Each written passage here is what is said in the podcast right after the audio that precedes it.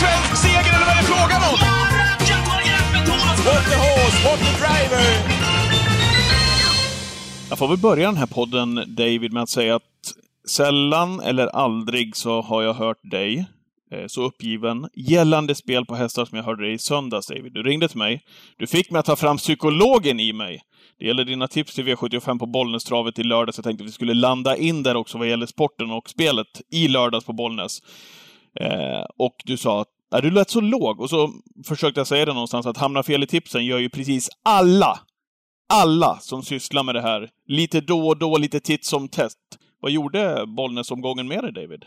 Nej men alltså eh, så här först och främst. Det där vet ju jag någonting om mer än de flesta. Jag menar man har stått i trav-tv i flera år och pratat om tips och det har jag inga problem med. Eh, Jag har inga problem med att de man spikar inte vinner. Jag har inga problem med att dragen inte vinner. Jag har inga problem med att överspelade favoriter vinner. Det som däremot kan störa mig i lördags det var ju att jag eh, rankar ner både den här, vad heter den? Power Blaster, Blaster. och eh, jag rankade även ner eh, Days of Our Lives.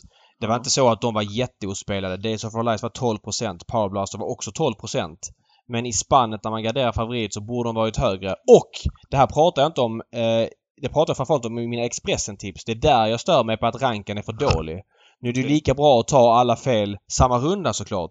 Men det var det som störde mig ganska mycket i, uh, i lördags. Uh, det var att jag tappar bort hästar som jag ändå liksom kanske Uh, Ja men folk som kanske inte följer travet. Jag får, man får lite dåligt samvete mot dem. Folk liksom läser tipsen och kanske då petar dit någon som man rankar upp och petar bort någon man rankar ner. Och de två borde varit högre upp, punkt slut. Ja, men det var lite dit jag skulle komma. Samtidigt som jag precis sa, du plockade fram eh, lite grann psykologen i mig, så blev jag så glad också när vi hade lagt på, när jag tänkte efter, för att du tar det verkligen på allvar. Jobbet där med ranking, jag vet hur mycket timmar du lägger ner och allt det där.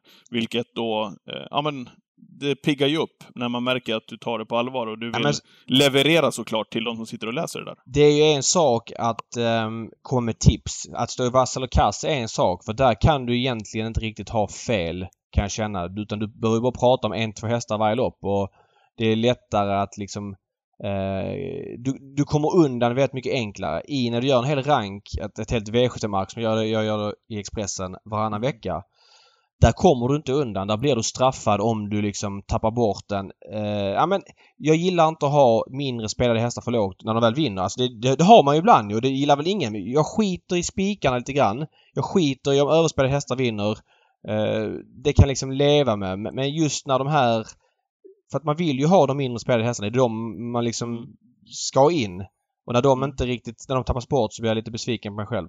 Det fanns ju faktorer som gjorde att jag rankade ner dem. Det var ju lite omständigheter som gör det. Var ju tre galopper Såklart, i såklart. Powerblaster-loppet. Bland annat Contour galopperade, Freckles galopperade. Och, och när Certain i sista sväng. Så att, att Powerblaster ska komma till spets. Ja, det är långsökt men det är ju en del av travet. Ja. Eh, Days of Our Lives hade ju spår utvändigt om den här Ara och nu tog sig Erik förbi eh, och, och då blev det loppet också ganska billigt får man väl ärligt säga. Många av de här V75-härdade hästarna, Vikar och Daniel Brick, eh, presterade inte på topp. Och det är inga konstigheter, är bara att konstatera liksom. När du säger det där, inget ont om Jörgen Westholm på något sätt, men eh, hade Erik Adolfsson kört Ara så tror jag att Ara hade spetsat. Han är otroligt skicklig ifrån springspår, Adielsson, och har varit under ja, i stort sett hela karriären. Så är det och det är ju ingen nyhet.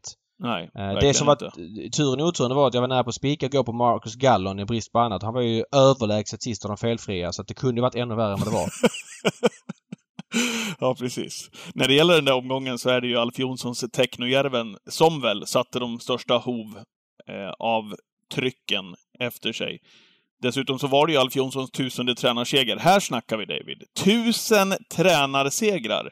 Det är något att fira det, jämfört med alla som staplar tusen eh, kusksegrar på hyllan. När tog han sin 900 Vet du det?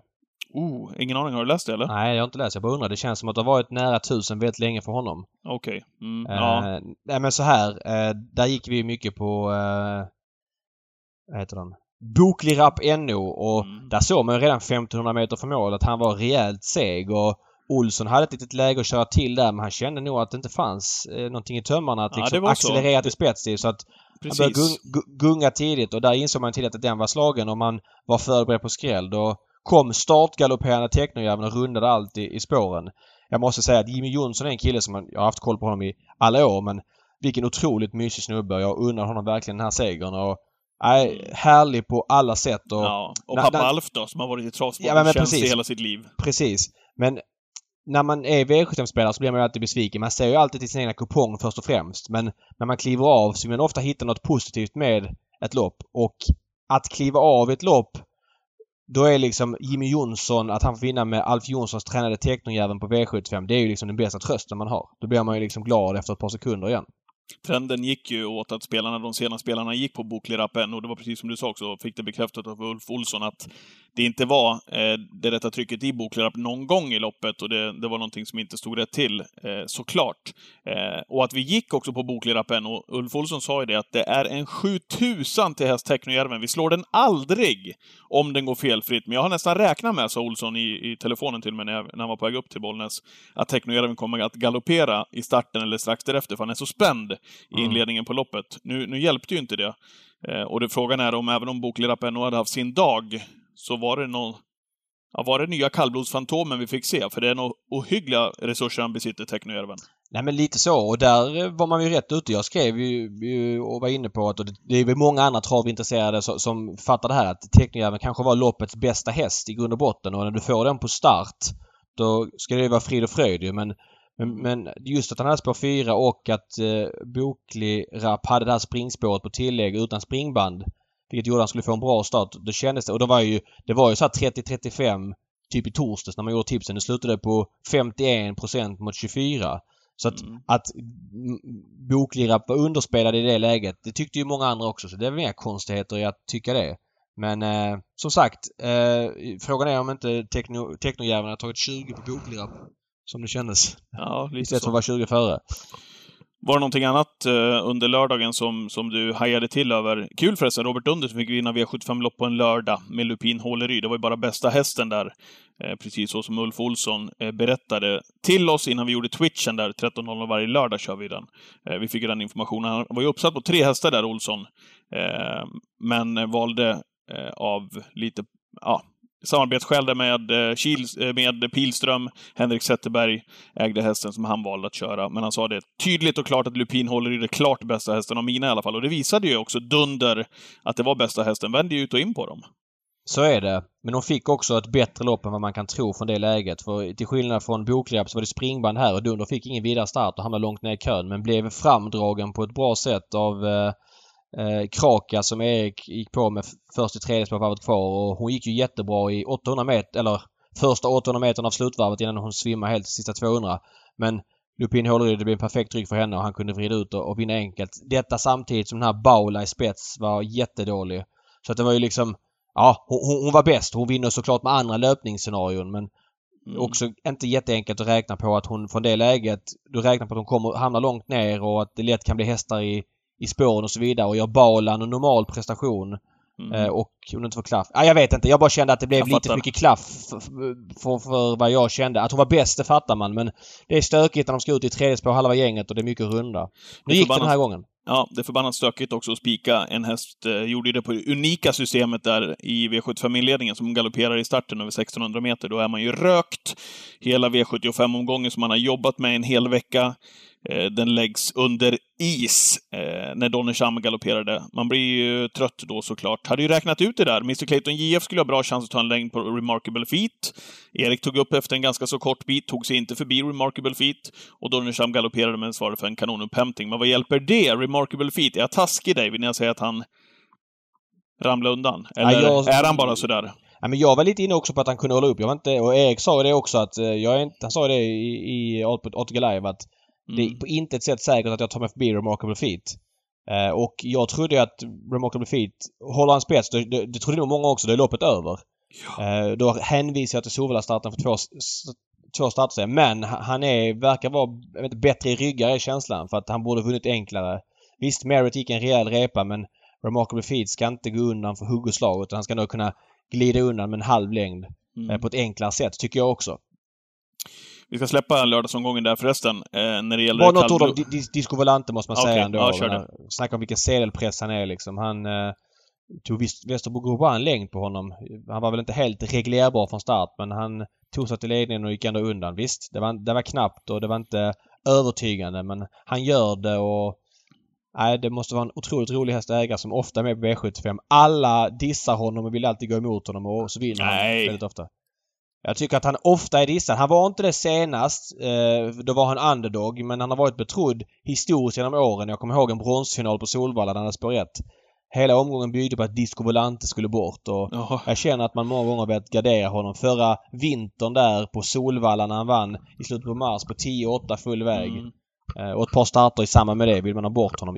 Det är min känsla i alla fall. Han har varit favorit många gånger. Och, men man har haft fel. Han har... ehm, eh, ja, vad ska man Ja. säga? Han har knäppt oss som har dissat honom på näsan. Mm. Eh, apropå lördagens tävlingar som vi alldeles strax ska släppa och gå in på onsdagens eh, snackis kring V86. Jag var uppe och kollade på ett kallblod hos Jan-Olof Persson för fem år sedan kanske. och kollade på hans ettåringar och minns då att jag tittade på den här som jag varit eh, väldigt intresserad av, som jag också berättade för Persson. Eh, men det blev ingen affär, jag vet inte varför, det rann väl bara ut i sanden. Trodde ju länge faktiskt att det var, eh, att det var Technojärven. Eh, men det var inte det, utan den jag tittade på hette eh, Järvsö Techno. Ganska Okej, så likt du- ju, eller hur? Så du har gått runt och berättskört på krogarna i Leksand att du var, hade, hade bud på den och så vidare. Nej, inte riktigt så lång tid eh, vart det inte. Jag var nära att köpa den sa du till någon där. Ja, någon. precis. Och så insåg jag snabbt att det inte var den. Ja, det, har gått, det, har det har gått hyggligt för Järvsö Techno. De har tjänat en bit över 300 papp, men han är långt ifrån Technojärven.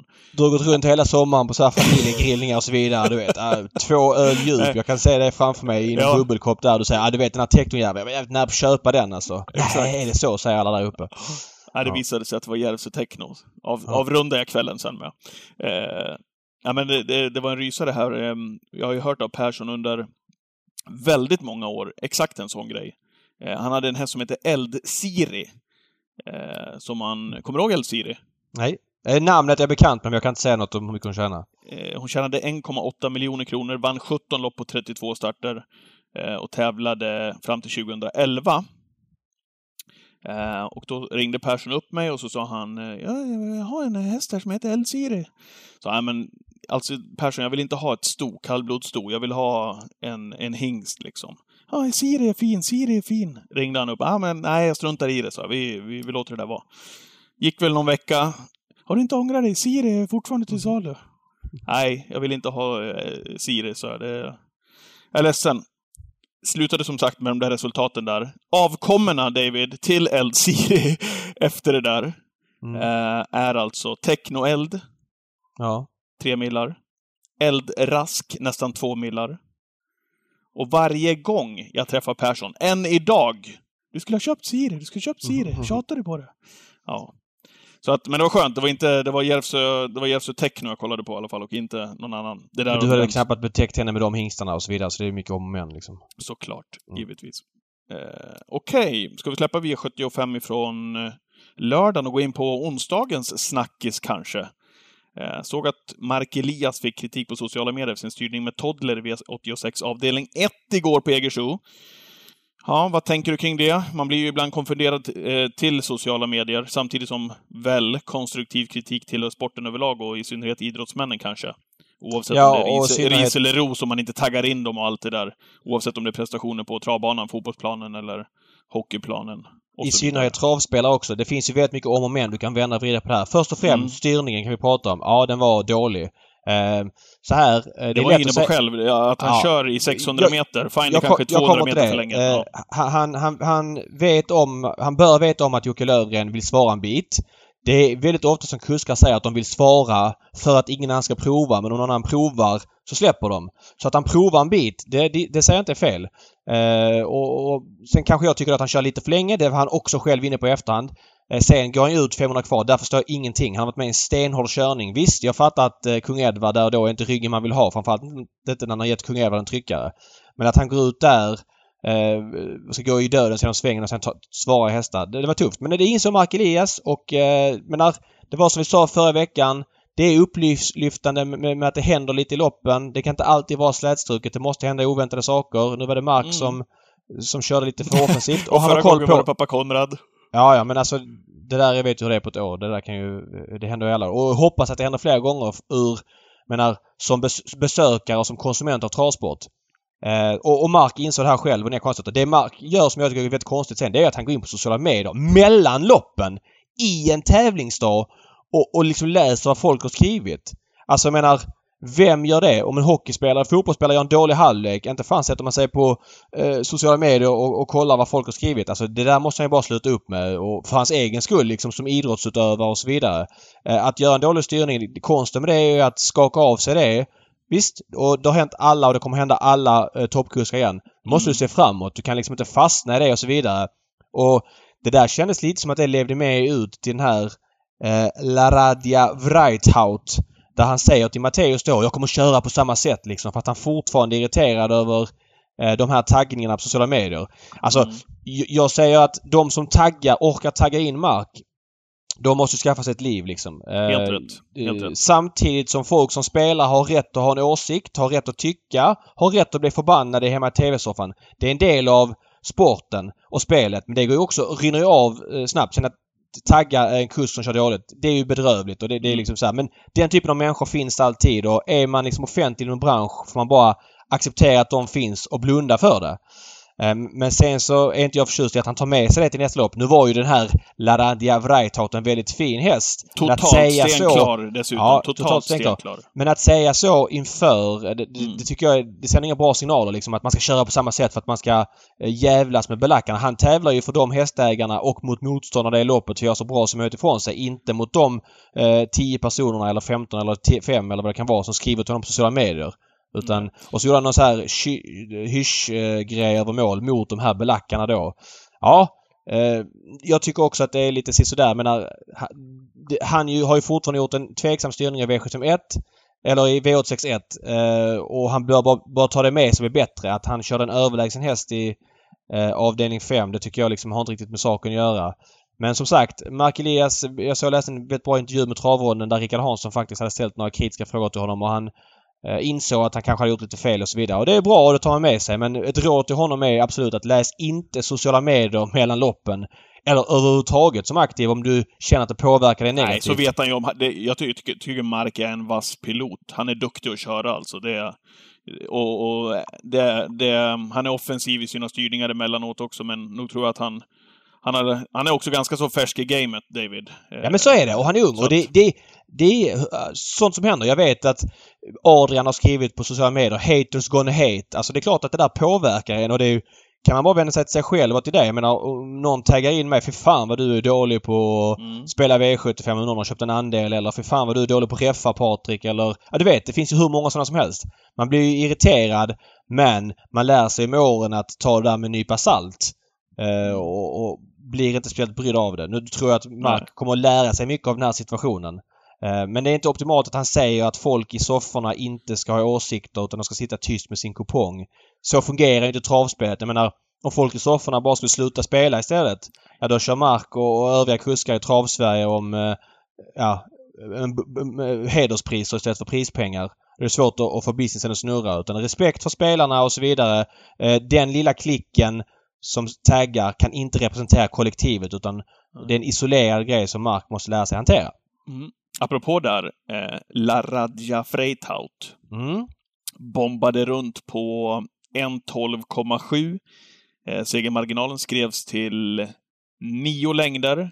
Mm. Eh, jag tror att det är i samma intervju som du hänvisade till där med Rickard i travronden, eller om han möjligtvis sa det i, i, i någon sändning igår, att han inte ens vek fram sitt körspö bakom Laradja, att det fanns gott om krafter sparade, så den där segertiden på 12,7 mitt i vintern, för en häst som har tjänat max 265 kronor som loppet var utskrivet till, 265 000 ja. 265 000, ja, precis. Eh, det, det fanns mer att hämta i Laradja Freithout. Därför också lite förvånad över Konrad Lugauer när han gick ut på Twitter, vilket är oerhört tacksamt att han gör. Eh, skitbra, helt Ja, det är skitgrymt. Han går ju verkligen ut och, ja, men både innan och efter, och bemötte den kritiken han hade kört. Eh, Garrett Boko till exempel. Eh, skitbra, fortsätt med det. Men han inte hade med Laradja Freithout där på tre. Eh, på eftermiddagen så smsade jag dig och så frågade Fast det var du inte så att han inte mer. med på tre. Du, du menar topp tre av sina chanser? Ja, precis. Ja, och ja. han hade andra hästar där som inte alls var i, i närheten av lika hårt betrodd som Laradja. Så jag tänkte mer om han hade glöm, glömt den, eh, eller om du visste mer. Så jag messade dig där, dig där under eftermiddagen i och med att du har häst där och tänkte att ja, men du kanske har mer information än, än, än vad jag har. Men du hade ju inte det kring Laradja Freitaut. Och ehm, eh, ja, men jag tyckte det var lite märkligt med tanke på att uppgiften såg ut som den gjorde. Och så vinner den på det sättet den gör. Och då um, tycker jag och tror i alla fall att Mark kör ju inte på det där sättet eh, om han inte vet vad han har i hästen. För hästen var inte het. Jag kollade på loppet flera gånger efteråt i och med att du och jag hade den diskussionen också. Han, han öppnar inte 10 första fem och 12 och en halv första varvet och sticker undan om man inte har en aning om vart man har den där hästen. Så att jag varit lite konfunderad kring det. Men du... Så vart vill du komma? Att... Nej, jag vart... Eh, det, jag tyckte att informationen innan, inte all, det var ju Sandra Mårtensson inne i V86 Direktstudion också inne på att man, man borde kanske berätta mer om den än vad man gjorde för att den var favorit på V86, den hade superpassande uppgifter, man körde som att man i alla fall visste vad man hade i Laradja. Så Men vadå, du, du, du tror att de mörkar helt enkelt? Är det det du säger? Nej, eller han kanske glömde av den på de där tre. Det är snarare så i så fall. Då. Fast han skrev ju om hästen tydligt så då glömde han inte av den. Vad skrev alltså, han då? Ja, jag kan ta fram tweeten och, och säga. Han... Ja, ja, det såg inte jag. Jag såg bara de här tre nej, hästarna han, som han hade. Jag ska läsa, jag ska säga här vad han skrev om hästen inför bara så att det här blir, blir rätt. Uh, ska vi se här. Uh, Laddad vet att är ny hos oss, har varit här i två månader, förstår att det är ett frågetecken för spelarna och samma gäller faktiskt för mig. Är ambitiös och därför bara tränat i backen. Inga snabba jobb, kolla värmning, öppet och sulke. Mm. Ja men så här. Konrad var ganska tydlig med att hästen hade varit lite het när han kört den på gården. Eh, och därför hade han inte tryckt av den ordentligt. Han visste inte var botten var. Att den kunde springa snabbt i 500 meter och att den var en bra travare, det tror jag att han hade förstått. Eh, och det var han lite inne på. Men han visste ju inte orken på hästen. Han kunde inte eh, veta om den skulle stå hem i mål. Och jag, alltså Konrad upple upplever jag som otroligt, eh, säger verkligen vad han tror i alla intervjuer. Eh, och Ja, jag, jag kan inte... Alltså det var ett riktigt skitlopp. Eh, ursäkta övriga konkurrenter. De vinner på 12 och 7, 1600 på Jägersro. Visst, januari. Med gott om krafter kvar. Ja, ja, men alltså det är inte... Det var inte det, att det var botten. Nej, men det är inte som att det är en fantomprestation heller att komma till spets för 10,5 första fem, 12 på varvet och landa på 12 och 7 på Jägers.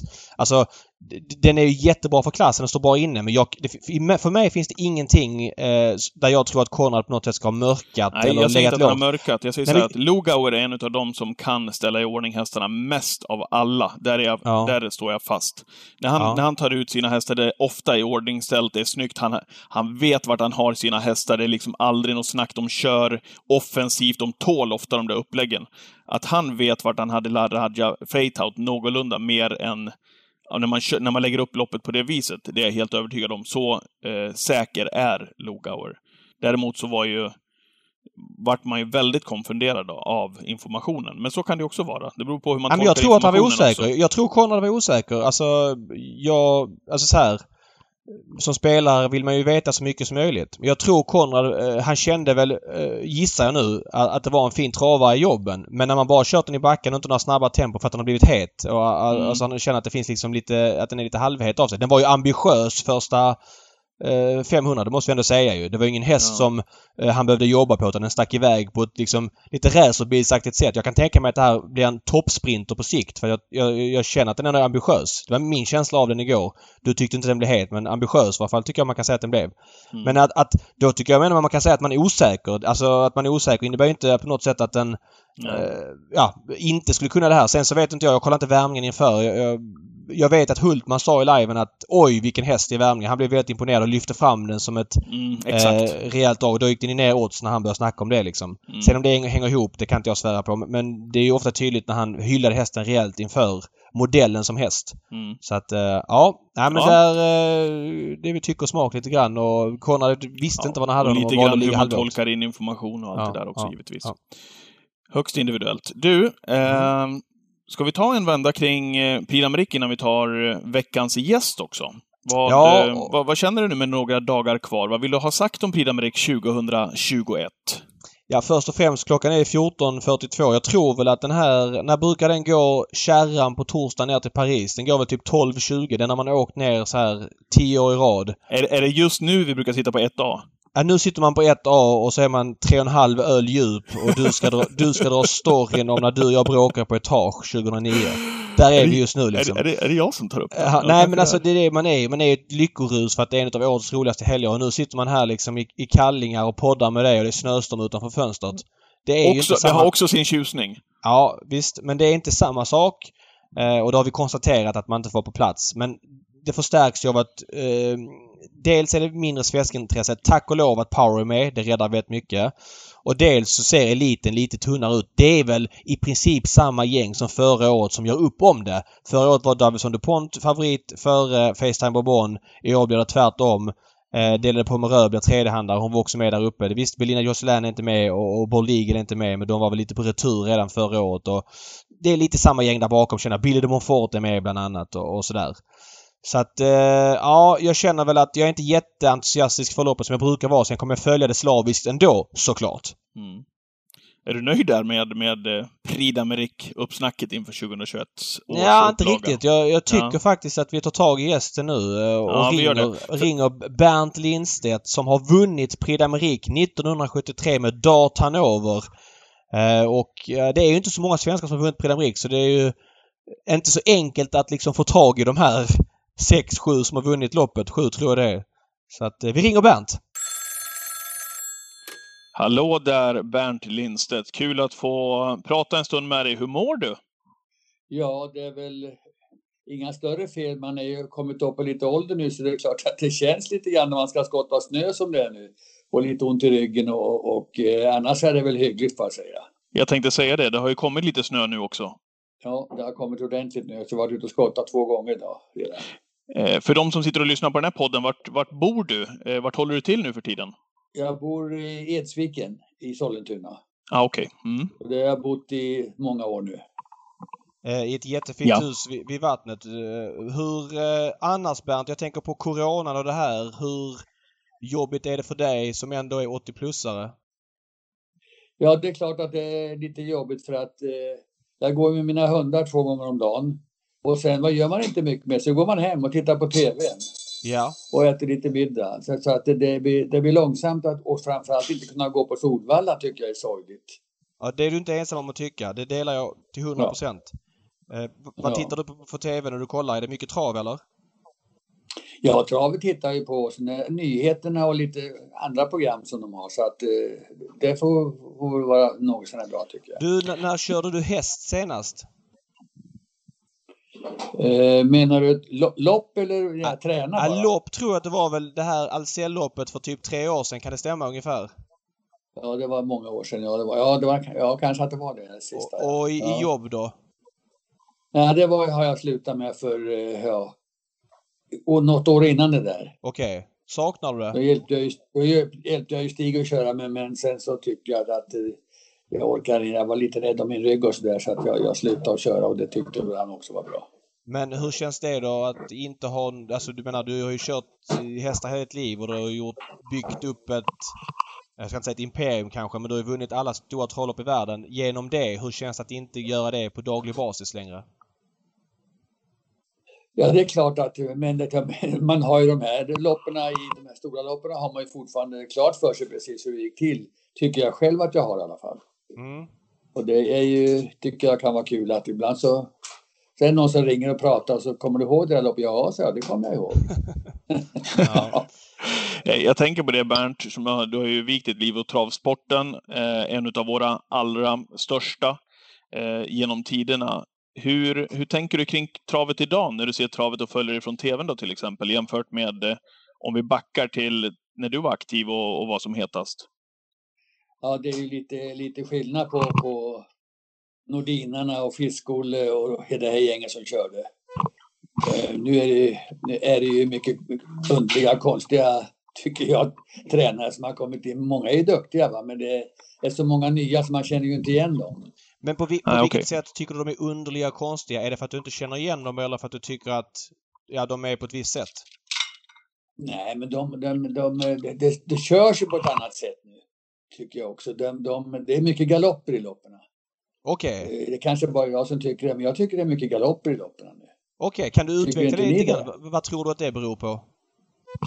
Ja, jag kan inte svara på okay. det, men jag skulle tro att det är väl... Eh, de kör fortare från början nu, ska vräka iväg från början så mycket de kan och så blir det galopp efter 100 meter eller i första svängen. Det är många sådana, tycker jag, många lopp som ser ut på det viset i alla fall. Ja, intressant. Det är jättespännande det du säger. Ja, precis. För att jag tänker på aven som har gått framåt så pass mycket nu. Eh, och det kan väl du berätta om någon, Bernt? Jag menar, så som de nästan, de travar ju nästan när de kommer ut i magen om du missförstår mig rätt. Eh, nu för tiden jämfört med förr då när man fick balansera och liksom hitta kemin och verkligen få dem att trava många gånger. Ja, det, det är absolut sant vad du säger att, att eh, eh, de, är, är ju, de är ju lättare, måste vara lättare att balansera nu för att nu är det inte så många hästar som har vikter. och går barfota halva gängen emellanåt och, och, och framförallt inte de nordsvenska hästarna. De travar ju otroligt fint mot vad de gjorde för 15-20 år sedan, tycker jag i alla fall. Mm. Mm. Men eh, mm. utvecklingen och det här med att man kör, för du var ju en, eh, ska man säga att du var liksom lite dåtidens Örjan Kihlström. Eh, vi hade Johnny Takter här för några veckor sedan. Han hade dig som idol. Eh, jag vet att Örjan eh, höll dig väldigt högt också. Du kallades ibland för andra par utvändigt som på din tid var en helt överlägsen position. Eh, hur ser du på det att man kör så mycket annorlunda i loppen? Tycker du det är bara negativt eller förstår du utvecklingen? Jag förstår ju utvecklingen men, men, men andra par utvändigt är väl fortfarande det finaste positionen du kan ha tycker jag. Om du har jämna hästar. Jo, fast är det verkligen det nu längre när hästar... För att de attackerar ju i tredje spår mycket tidigare gissar jag än förut, så du får inte sitta där så länge. Vad tycker du om det? Det är, det är ju sant. Va? Så, så att, eh, men då får man ge sig iväg om man har en riktigt bra häst. Man sitter andra på utvändigt när det är 700 meter kvar. Okay. Då kan man ju inte sitta kvar ute. Jag vet inte. Så, så tycker jag att det är. Ja, jag förstår. Mm. Ja. Uh, vi... Så jäkla, det här, alltså jag bara sitter och slickar i mig här när Bernt säger att andra utvändigt är det finaste vi har. Alltså det, det är travpoesi i mina öron. Ja, jag håller med.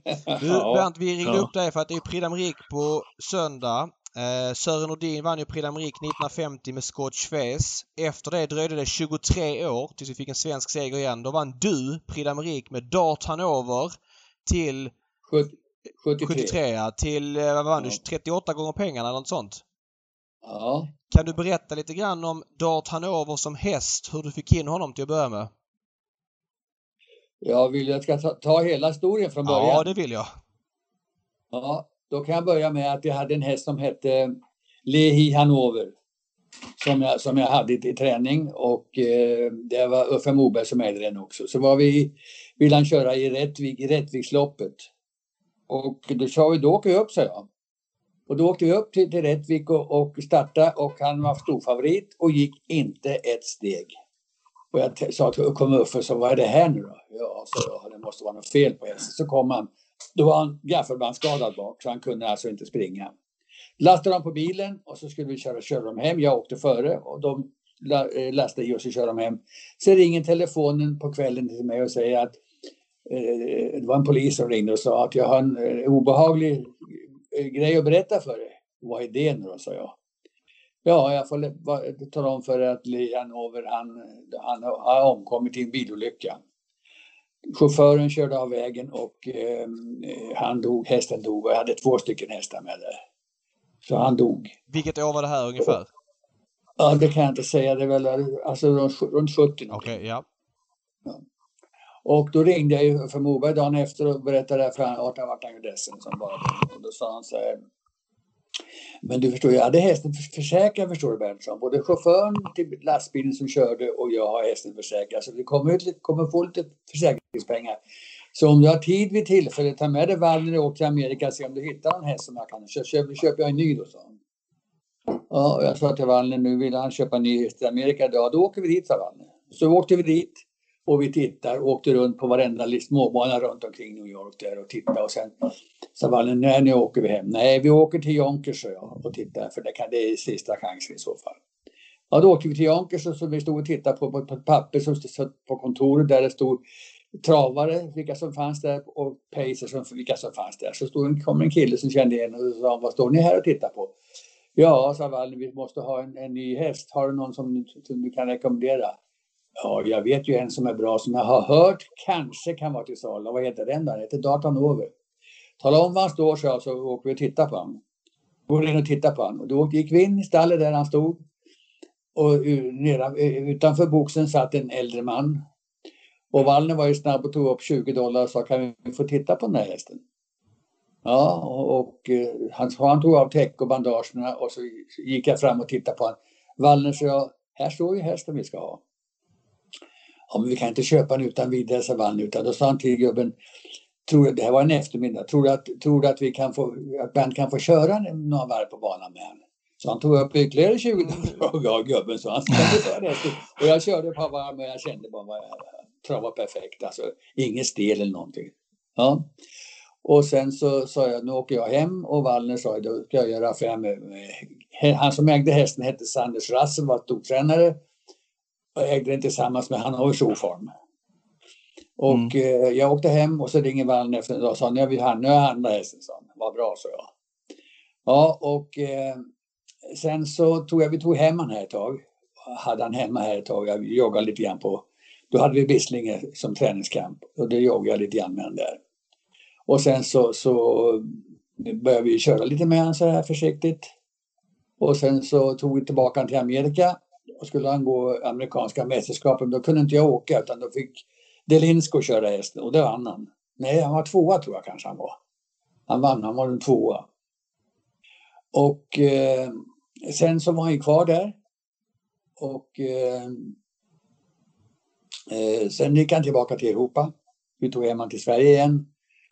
Och då, skulle, då, ville, då, då ville han köra med honom lite grann i prova, prova Paris, sa Moberg. Han var ju sugen på att köra i Paris. Vi måste vi, vi köra lite mer för jag så Vi tog han till Paris då och så körde jag något, jobb med honom där. Så han fick känna på banan och den klarade han perfekt nedförsbacken. Det var större nedförsbacke då än vad det är nu. Okay. Och, och, och eh, första svängen var hårnålssväng. Nu är det otrolig skillnad. Mm. Och, men jag provade och körde med honom och han skötte sig perfekt. Och då sa Moberg, nu, nu, nu, bestämmer vi att, eh, att vi eh, startar med hästen, gick för käka. Och så kom det, här, det var sånt här spelställe där Moberg alltid gick. Va? Och killen som ägde restaurangen han kände igen oss och så sa han så här när vi var där, åt någon dag innan att, eh, att eh, vinner ni Prix d'Amérique så ställer jag en flaska, en hel flaska champagne här så bjud, får ni bjuda hur många ni vill här vid bordet här så jag betalar allting sa han. Jaha, sa Moberg, det var ju bussigt av dig. Och, eh, och vad sen då? Sen hände, vad hände sen då? Och det var en solig vinterdag. Jag skulle eh, eh gå och ställa på honom. Vi gick över platserna och mycket folk som fann. Och sån där riktigt fin vinterdag i Paris. Solen strålade och, och då blev man glad bara då. Så gick, tog han fram hästen där och så körde jag ut med han. Och eh, han var pigg och glad och var jättefin i loppet. Och så kom Moberg och sa så här, vad tror du? Ja, sa, jag, jag kan inte vara mycket bättre än vad han är just nu för att han, han känns fin som fan. Ja, och sen så såg jag han gick, på, gick upp på läktaren där, det var otroligt med folk. Och så var det defilering. Och sen så var det då, på den här tiden var det då, eh, har de börjat med bilstart. Så det måste jag ta också innan för att när, vi, när vi, det skulle bli startspår, startspår. Och då sa jag till Uffe, vad fan, du drog du på spår 14. Ja, det är bedrövligt, ja, men vi får ta det då. Ja, och så var det tävlingsdag som så gick jag ut och så spände jag för och så körde vi körde lite, eh, lite eh, bakvarv med och så fick han luffa på nerför nedförsbacken där. Och så var det start och så körde vi ut och samlades bakom bilen och jag hade spår 14, det var inte speciellt roligt att ha. Och så körde de iväg och det var ju bra hästar med som fan. och eh, eh, Frömming tog ledningen. Jag kommer inte ihåg vad hans häst hette nu. Det var i alla fall en bra med han hade där. Och så, så la jag mig in, in i det för jag hade sett loppen förut på d'Amérique att, att man måste försöka köra invändigt så att man sparar krafterna. För uppförsbacken var större då än vad den är nu. Mm. Och jag kände när man kom in på uppförsbacken där att, att eh, eh det här gäller att ligga kvar länge. Så jag låg kvar inne in i fältet där. Och sen såg jag, började titta mig omkring där, så började jag köra för pisk puskarna var 400-500 meter kvar. Jag tänkte det kan inte vara möjligt där så jag kom fram, kom, kom, kom ut där och så smög jag ner i rygg på någon häst där. Och sen tog jag ut den när det var 250 kvar. Och då blåste han till dem bara. Alltså, jag bara tittade mig omkring. Jag tyckte det var helt otroligt hur, hur det kan, att de var kalla de här kanonhästarna. Och kuskarna körde med piskorna för fullt. Jag bara satt där och, och luffade förbi. Så vann de då med någon längd. Alltså det är helt och otroligt. Sa, gav, han, 30 gånger någonting. Ja, för du beskriver ju det här som att det är världens lättaste sak. Alltså, aha, är det så här enkelt man vinner Prix d'Amérique liksom? Alltså, aha, det är bara att åka till Amerika och köpa någon häst liksom och man provkör någon häst. Alltså, det är en Prix d'Amérique-vinnare. Det finns ju mycket jobb där innan, för du vann ju Elitloppet i, året innan med honom, eller hur? Ja, 1972 va? Ja. Så att, nej, men det är klart att det var en jättebra häst va? och, och eh, och eh, så var han ju inte så hårt tagen heller som unge utan han var, han var, för, han, han var snäll vid hästen, vad heter han, eh, Sanders Russell. Mm. Jag, jag, tänkte på det, nu du berättade hur, ni, hur det gick till när ni köpte där Bernt. Eh, ja. läst, läste på Wikipedia här att han kostade 500 000 kronor eh, när han köptes då. Det var mycket pengar på den tiden ju. Ja, det är klart att det var mycket pengar, men Moberg hade ju lite grann så att han, hade han ju fått in, hade han ju fått in lite pengar så att han, nu pratar du om, vilken pratar du om nu? Pratar du om Dart? Ja. Eh, ja. Eller är det fel uppgifter det kanske? Jag tror inte att det var officiellt hur mycket han kostade. Nej, nej. Kanske Moberg har sagt det vid tillfälle. Jag tror han kostar runt 500, ja. Ja, ja. Men, men ja, häftigt alltså. Du har vunnit då Prix d'Amérique med Dart Hanover, du har vunnit Elitloppet med Dart Hanover och eh, Pershing. Du har vunnit eh, Hamiltonien som tränare, dock inte som kusk. Vilken av alla de här segrarna rankar du högst? Ja, men jag, jag tycker ju först att Elitloppet när man är svensk och Elitloppet är ju otroligt stort. Så det håller jag väl för, i och med att man är svensk så, och, och har varit på Solvalla hela sitt liv. Så det, det, Elitloppet för mig är det största. Mm. Det är klart att Prix d'Amérique är också fantastiskt att kunna vinna, men jag säger Elitloppet i alla fall, det är när man bor bland hemmafolk och hemmapublik. Yeah. Det är ett otroligt stort lopp. Och det är, om man frågar folk, jag har varit ute och rest lite grann i, i min ungdom i världen, så att Elitloppet vet varenda människa vad det är för någonting. Ja. ja. Ja. Du, om jag ska ställa frågan så här då. Du, Dartanover är alltså en häst som du köper i USA som sen vinner Elitloppet och Prix d'Amérique. Alltså det låter som en otroligt osannolik kombo. Det är Moneymaker har gjort det men det är ju inte många andra som är från USA som kan vinna både Elitloppet och Prix d'Amérique. Nej, det, men det visar att han, han står alltså eh, både, både, både långt och kort lopp. Så det håller jag med om. Det är, det är inte så många som gör det. Va? Det är inte många som har gjort det genom tiderna heller. Det är, det är eh, som du sa, vad heter hon, Monemaker och så är det väl kanske någon till ja. som har gjort det. Men att vinna Elitloppet 600 meter med, med, med, med, den klassen på hästar som är där och sen vidare vinna det, det tycker jag är otroligt bra. Ja.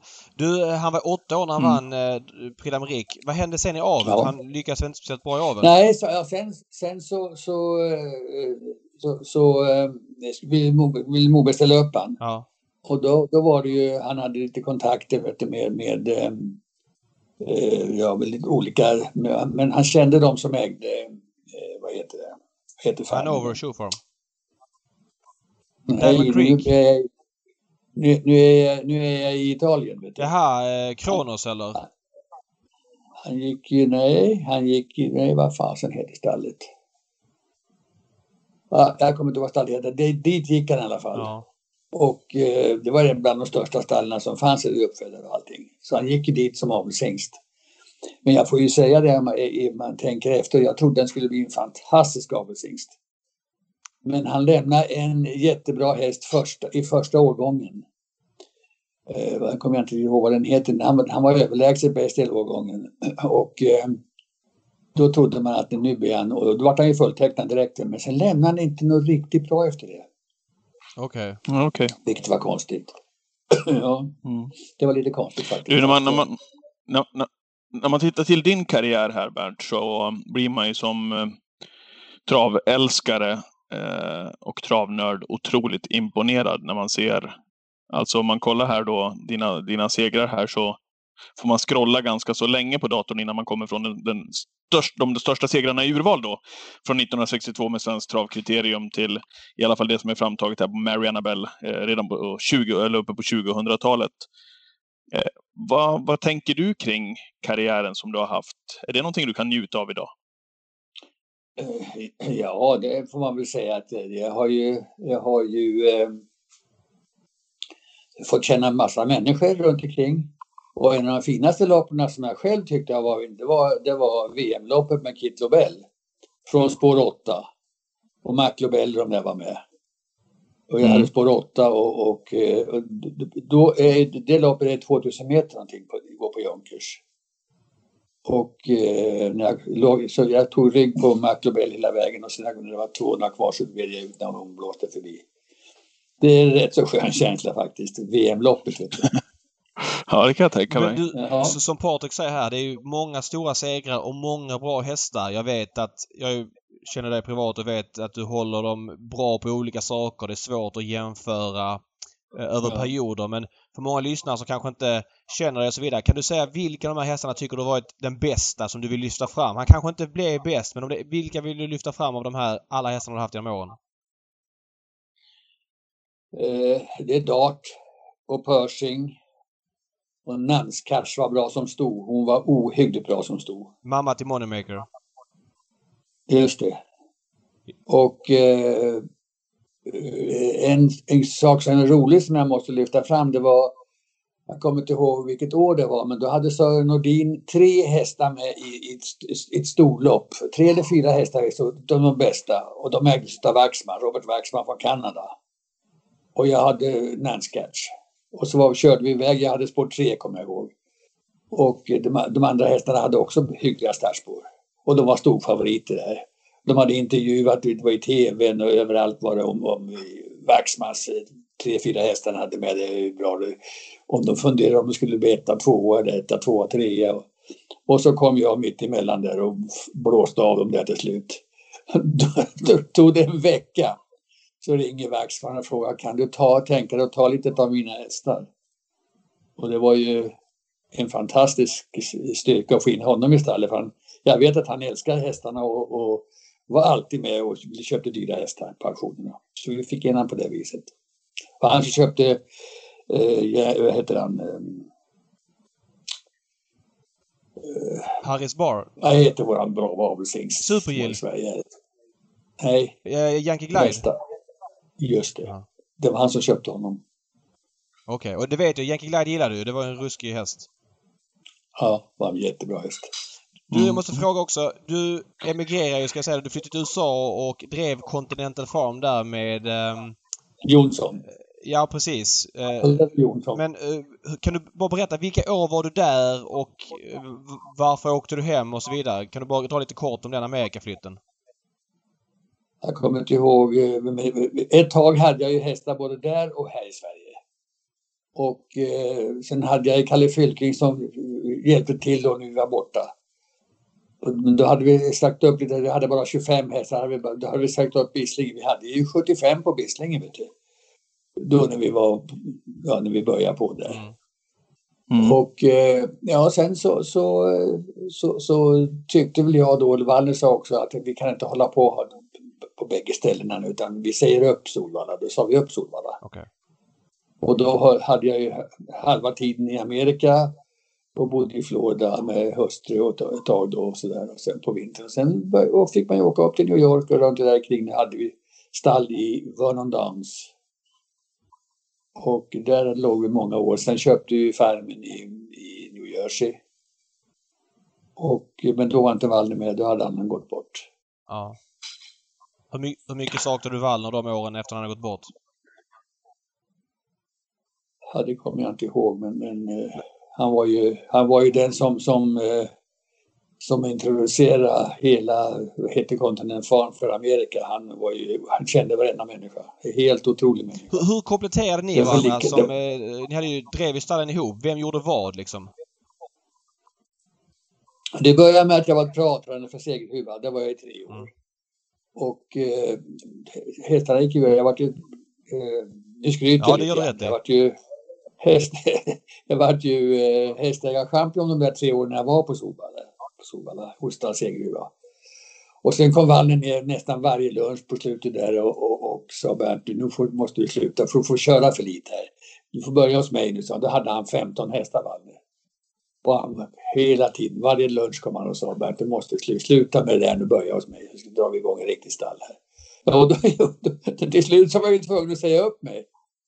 Och då gjorde jag det och, och så började vi på, och fick, då fick vi, då hade vi väl 50 hästar på en månad tror jag. Och sen så ja, när, när telefonen ringde så han svarade alltid. Jag, jag tränade och han körde.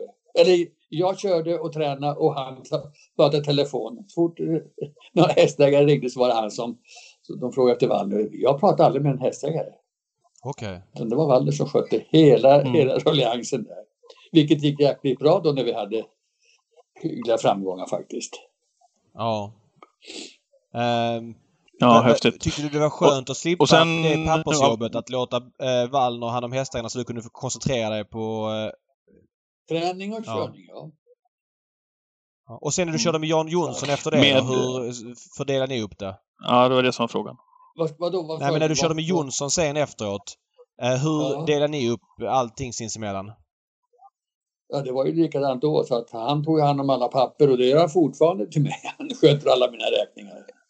Så att, eh, så att eh, det har han gjort hela sitt liv, räkningarna. Och jag körde hela tiden. Och, och, och han svarade i telefon precis som förut. När Wallner hade slutat då. När han åkte till Italien. Men vadå, så- så att eh, Jan Jonsson betalar sig dina räkningar än idag? Ja, ja, ja. Jag skickar alla räkningar skickar till. Ja, Det här är det är det sjukaste jag hört. Men med Varför Jonsson bor i USA. Jag har ju, jag har ju, jag har ju ett, ett kreditkort som är, som, som är mitt som jag har, jag har pengar i. Som jag får, Ja, precis. Hur svårt kan det vara?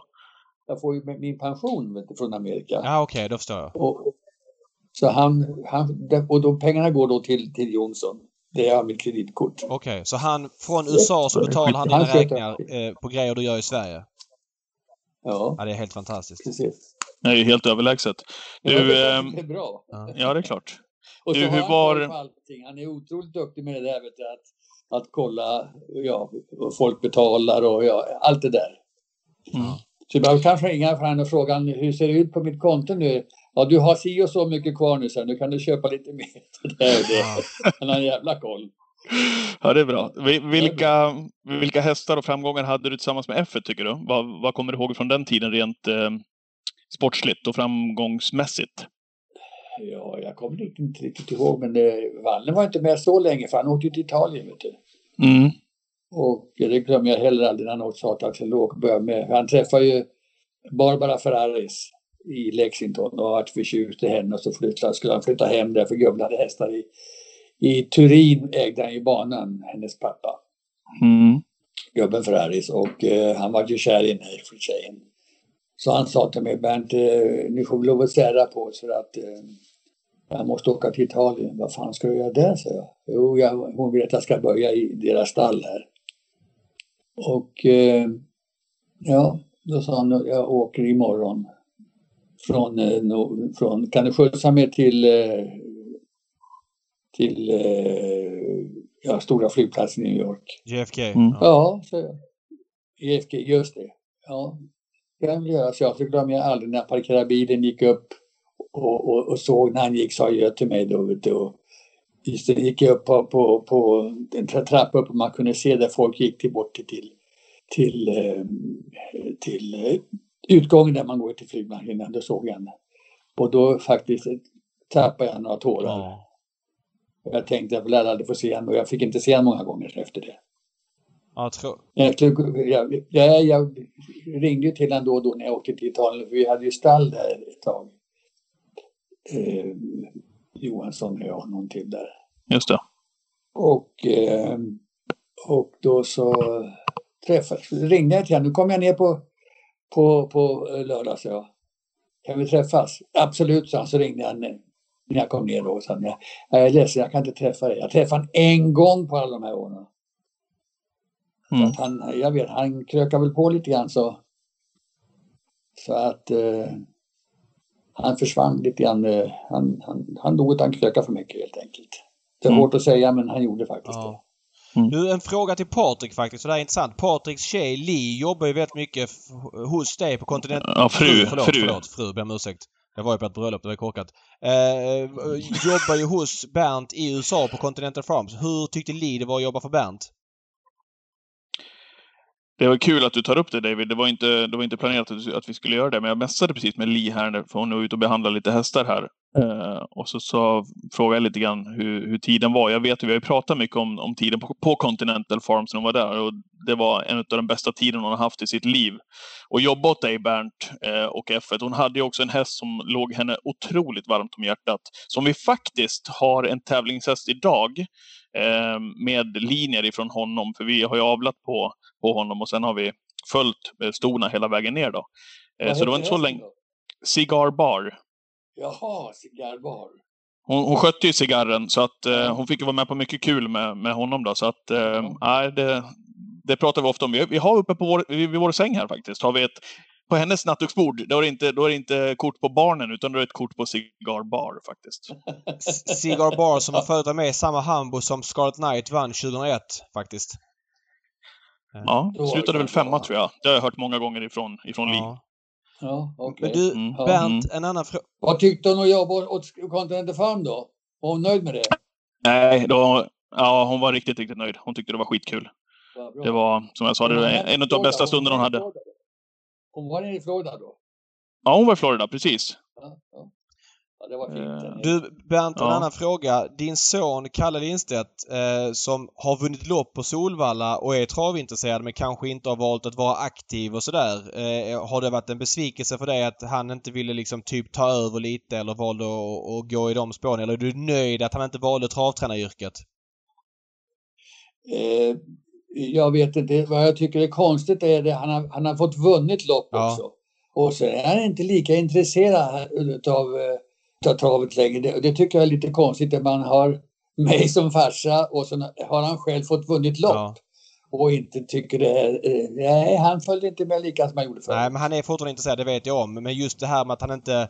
Ja, han har inte varit nära att bli aktiv inom travet utan han var ju lite och stig och körde då och då men... Eh, ja. ja. Det var inte mer så. Eh, din dotter ja. Helene Lindstedt hur aktiv är hon idag inom travet? Hon eh, är verkligen intresserad av det här och, och eh, mycket, mycket mer än, än, än Kalle. Men, men hon är ju tillsammans med Roger. Ja, Wahlman, absolut.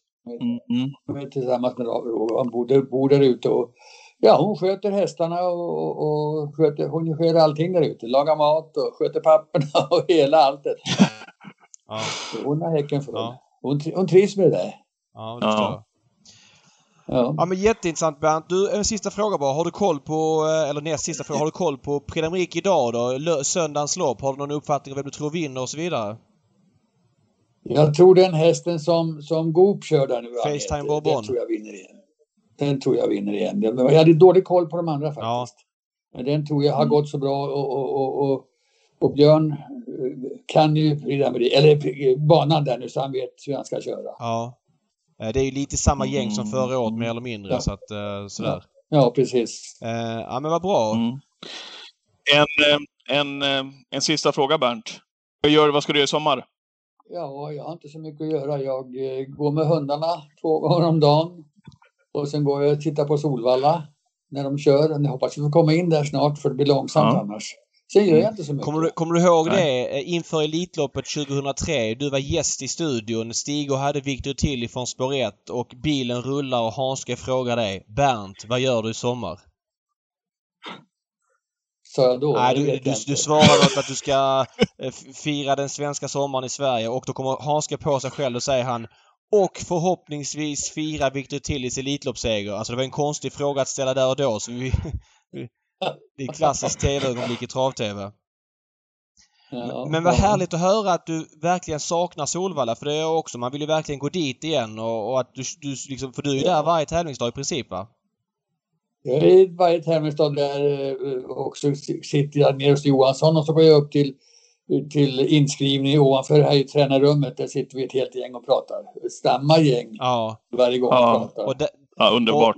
Om man tycker att vi är nördiga i den här podden ibland så är det på en helt annan nivå i det gänget liksom. Där vill man komma in lite grann men jag gissar att man kanske inte har kvalifikationerna. Jag har inte vunnit så många travlopp. Jag har inte Prix d'Amérique-segrar, två Elitloppssegrar och massa Hambo-segrar att komma med. Men du får komma upp och titta på hur bra vi har där uppe. Ja, men det ska jag göra. När vi, jag längtar också igen. Alltså, jag saknar att träffa alla på Solvalla. Ja. Det är en stor sorg. Men hoppas vi blir av med den här skiten snart så man kan leva normalt igen. Ja, det tycker jag också. Men det, mm. problemet är... Jag tycker de kunde ta in i varje fall hästägarna. Tycker du inte det? Vi har ju så stora, stora platser att sätta, sätta dem 20 meter mellan varandra. Ja, men det, Mm, då är vi helt Och eniga. Då är vi helt Jag tycker eniga. också det och jag tycker att det finns så många grejer. Alltså menar utomhus säger de nu i efterhand att det smittar inte så mycket. Menar vi har haft en hel sommar när smittspridningen var låg. Då kunde man väl suttit ute med avstånd också. Ja, Mm.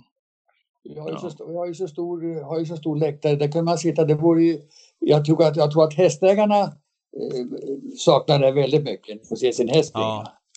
Det är innehåll för ett helt program det där. Ja, det är det. Ja, så är det faktiskt. Du, jag fick på ett sms här från eh, Li Bernt. Jag ska hälsa så mycket från Li och, och tacka för de fina åren hon hade. Då får du hälsa tillbaka så gott. Mm, ska jag göra. Hoppas Eh, att hon och, har det bra. Var, var bor hon nu? Är det? ja, vi bor uppe i Leksand här i Dalarna så att eh, vi har också mycket snö här. Vi, vi trivs jättebra här. Mm. Usch, det värsta jag vet är snön. Man får inte skotta. Ja. Ja. Ja. Så är det. ja men suveränt Du, Tack så mycket för att vi fick underbart. ringa dig. Ja. Mm. eh, ha det bra så ses vi snart det- igen då. Jag tog med mig mycket härifrån Bernt, men det vackraste jag har hört det var ändå att du fortfarande säger att andra ytter är, är det vackraste vi har. Tycker ni inte själva att det är ett bra position att sitta Nej, jag tycker det är Ja, överskattat. magiskt. Det bygger Magiskt. på att du har en bra häst. Har man en dålig häst så är man schackmatt tycker jag. Men... Fr- från och med nu tycker jag att det är det vackraste vi har. Ja, det är bra. Ja, Vi är bra hörs. Bernt. Vi hörs då. bra. Tack ska du ha. Ha det bra. Hej. Hej, hej. hej. Mm, Bernt Lindstedt där alltså. Det är ju ett fullständigt episkt klipp med Hans G. Lindskog på inneplan med Bernt Lindstedt när Elitloppet eh, ska gå av stapeln. Och det har snackats om Elitloppet i ett halvår, David. Det är ju, det är ju, en, det är ju en kokande kittel på Valla. Mm, vi måste faktiskt lyssna på hur det lät på riktigt där 2003. Det är en ruskig klassiker. Det kan bli omstart då och det är inte så bra för mig. Hur känns det att stå bredvid Bernt? Det är idag rätt så skönt faktiskt. I solen? Ja. Eh, en fråga till vi- innan vi släpper iväg dem. Bilen rullar nu. Vad gör du i sommar? Jag ska förmodligen vara hemma och njuta av den svenska högsommaren. Och i bästa fall fira Elitloppet med Stig och Johansson. Nu hör ni själva, nu hör ni själva. alltså, Alltså där rullar ju bilen. Det är helt otroligt. Alltså eh, bilen börjar rulla och han kan, det finns få grejer man kan ställa till någon där för att du vill lämna upp till kommentatorerna som ska säga någonting innan de tystnar och börjar reffa. Det vet du. Jo, jo. Så du vill ju inte, du vill inte, när du sitter i hytten få, få liksom Okej, Patrik, Thomas, kör! Och så där är de iväg! Alltså du vill liksom hinna säga något kort om Ja. provstart eller något liknande. Jag vet inte. Eller, nå- eller något kanske du intryck. till och med bara vill ligga på publiken och lyssna de sista Ja, sekunderna. Nej men då kör Hans G. Vad gör du i sommar? Tänk om Bernt då inte... Alltså han kan köra... Jo men, eh, jag ska säga nu. Eh, midsommar... Nej förlåt. Eh, Boden innan midsommar. Det är ju V75 som där. Jag ska dela ut pris. Sen midsommar ska vi vara hemma i Edsviken.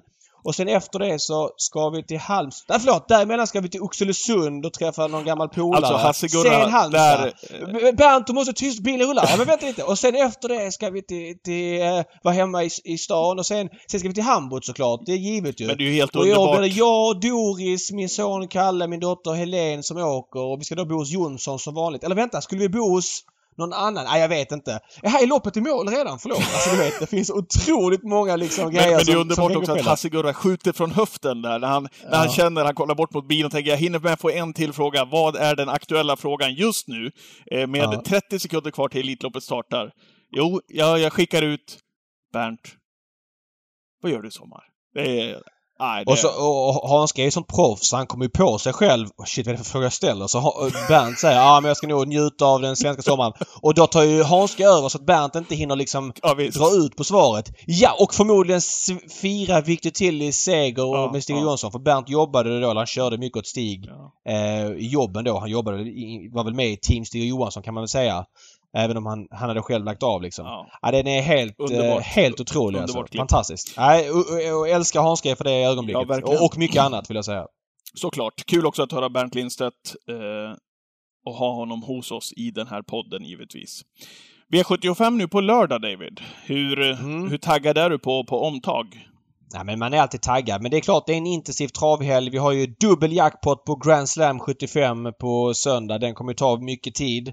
Eh, sen är det Prix d'Amérique på söndag. Man ska in i lopparkivet där och, och kolla alla 18 hästarna ordentligt så man kan liksom ranka dem.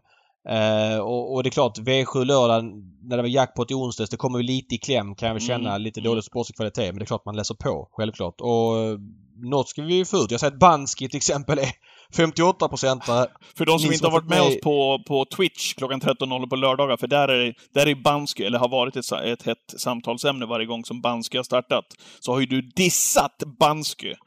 Eh, oerhört. Jag har gjort det här också tror jag. Hon har varit storfavorit ett par gånger på V75 och ganska klar favorit. Och jag har ju sagt varje gång att... Ja men bara för att jag tycker det är en enkel häst. Ja, som men du har ju liksom, fått rätt också.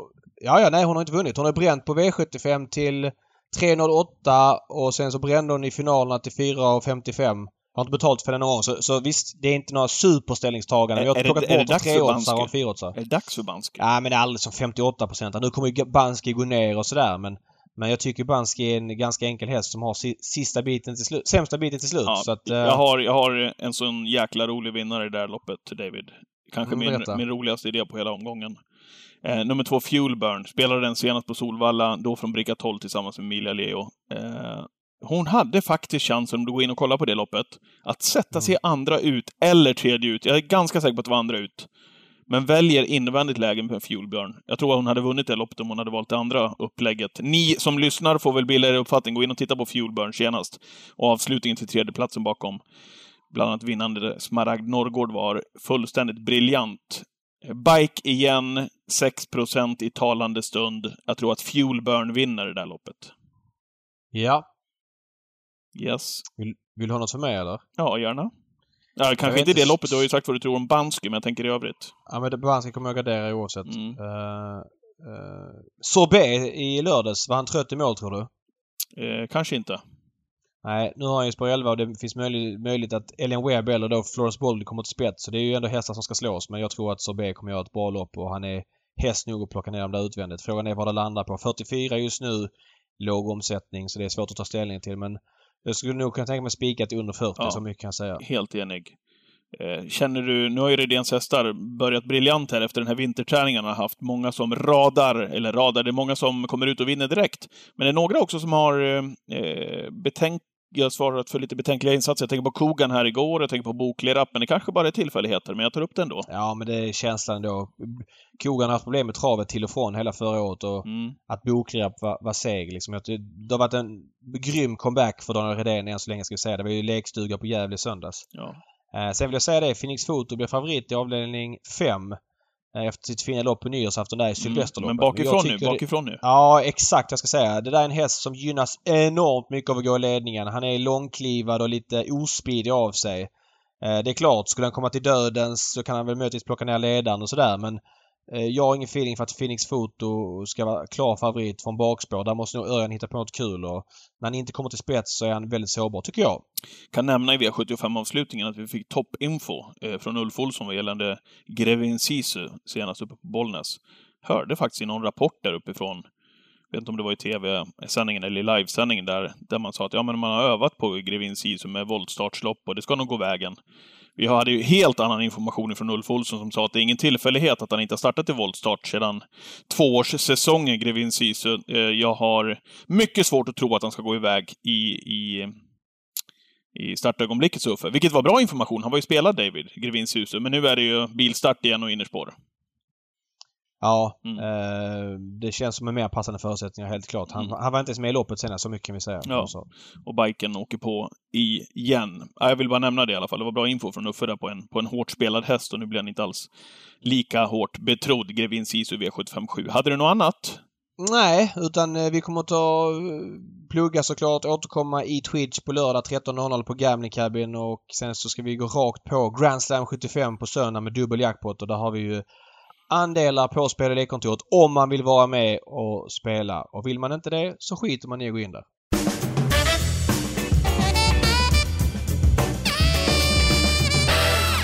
Veckans hiss och diss avslutar vi med precis som alla andra avsnitt.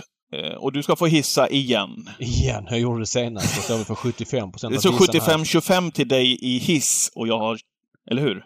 Jag har, jag har dissat 75% ja. och du har hissat 75%. Ja, i varje fall. Jag hissar den här veckan. Jag vill berömma ATG för en sak som man har gjort. Eh, det här har gått lite under radarn men jag är väldigt förtjust att man har plockat bort de här extra V75 på söndagar. De här löne-V75 som de kallades. Det var ju V75 i slutet på januari, februari, mars eh, och så vet jag inte om det var april och så var det på hösten också. Eh, söndagen efter lön.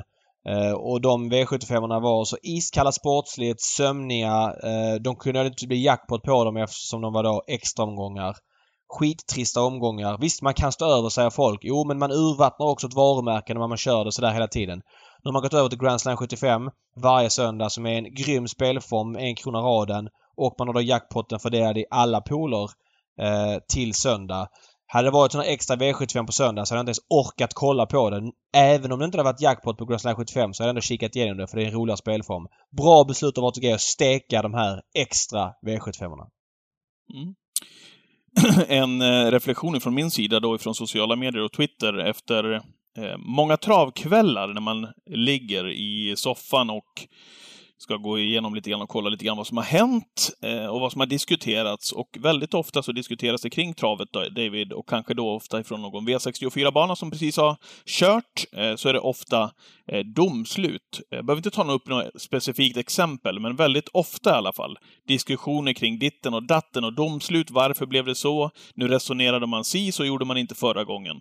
Vi hade ju med oss Jonny Stav här för... Ja, det var ju juli månad. För ett tag sedan. Mm var i juli månad till och med, ja. Eh, vi diskuterade det här med War Room, hur ska vi få en jämnare domarnivå eh, för att slippa liksom alla de här att det skiljer sig så mycket från bana till bana. Vad händer där, undrar jag? Ja, det går Mer än eh, förfrågan, jag har inte hört någonting kring det där, utan man säger ju ofta att det här ska vi ta tag i nu, eh, vi jobbar på det här, eh, så här kommer det att förmodligen se ut, vi jobbar på det här och det kommer att eh, se ut på ett annat sätt om ett år, två år och så vidare. Men det händer väl ingenting? Nej, eller? men så mycket av annat som SD håller på med så tar det hundra år. Jag har heller inte hört någon kommunikation. Det är klart man förmodligen jobbar jobba på det och man behöver inte rapportera om allt man gör varje där utåt för att David Neves ska känna sig eh, lugn och veta att någonting händer. Det är inte det jag menar men det ser fortfarande ojämna bedömningar och jag tycker att SD borde själv ta tag i frågan och liksom förekomma lite grann. Äga frågan, slippa det bli en snack i sociala medier. För varenda gång det är någonting. Det var ju nu på V86 förra veckan när Johan Untersteiners häst eh, Dior Ima bröt ner lite grann och jag säger inte vad som var rätt och fel där men det blir en snackis varje gång och det är för att man är inkonsekventa i bedömningarna. Eh, för då kan man hänvisa till en, någon liknande grej som då inte har eh, genererat diskvalifikation eller något liknande, eller har gjort det. Eh, och spelarna har bra minne. Det verkar inte som att domarna har det. Här måste någonting hända. Snabbare. Jag tänker, jag tänker bara rent parallellt mot eh, SHL, David, när det har blivit någonting, eller ett domslut eh, har tagits i en match. Mm. Eh, eller att det inte har tagits. Eh, men ofta när man har tagit ett beslut och man har gjort någon form av eller att det blivit matchstraff eller en utvisning eller liknande. Så finns det ju ifrån SHLs situationsrum, där man går ut då på SHLs sida och så förklarar man varför det blev som det blev och hur man resonerade. Mm. Hade inte det varit önskvärt ändå i travet? Jo, det är klart att det är... Än att det står längst ner bara som en liten en kommentar på resultatlistorna. Att det liksom finns ett mer... Ja, men så här resonerade vi, man kanske får en förståelse för hur domarna hade just i den situationen och hur, hur, hur tankegångarna gick. Jo, jo absolut. Ja, men jag tycker det är givet. Eh, det mm. borde vi absolut ha i travet. Och någon, någonting borde ha hänt. Allt kanske inte borde ha kunnat hända under de här, jag vet inte vad det är, nästan året eller ett halvåret eller så vidare. Men det känns som att det inte händer någonting i frågan. Man borde liksom ha någon enhetlighet eller säga att man har kommit överens om ditten eller datten. Men, eller haft samma domar på V75. Jag vet inte. Det är bara för ojämnt. Punkt slut. Vi avslutar med att eh, pusha för Twitchen, precis som vanligt. 13.00 på lördag. Då går vi igenom V75-omgången eh, ifrån Eskilstuna tillsammans med alla er som vill vara med. Och så precis som David säger, Grand Slam på söndag. Missa inte det nu. Eh, vi lägger upp våra spel på spel och lekkontoret på ATG.se. Någonting annat? Ja, vi kommer sända en extra Twitch på söndag klockan nio inför Prix d'Amérique där vi ja, men, tar tempen på det helt enkelt. Och det finns som playprogram på The Gambling Cabin om man vill efter klockan klockan nio om man inte orkar gå upp så pass tidigt. vill jag bara informera alla om. Ja.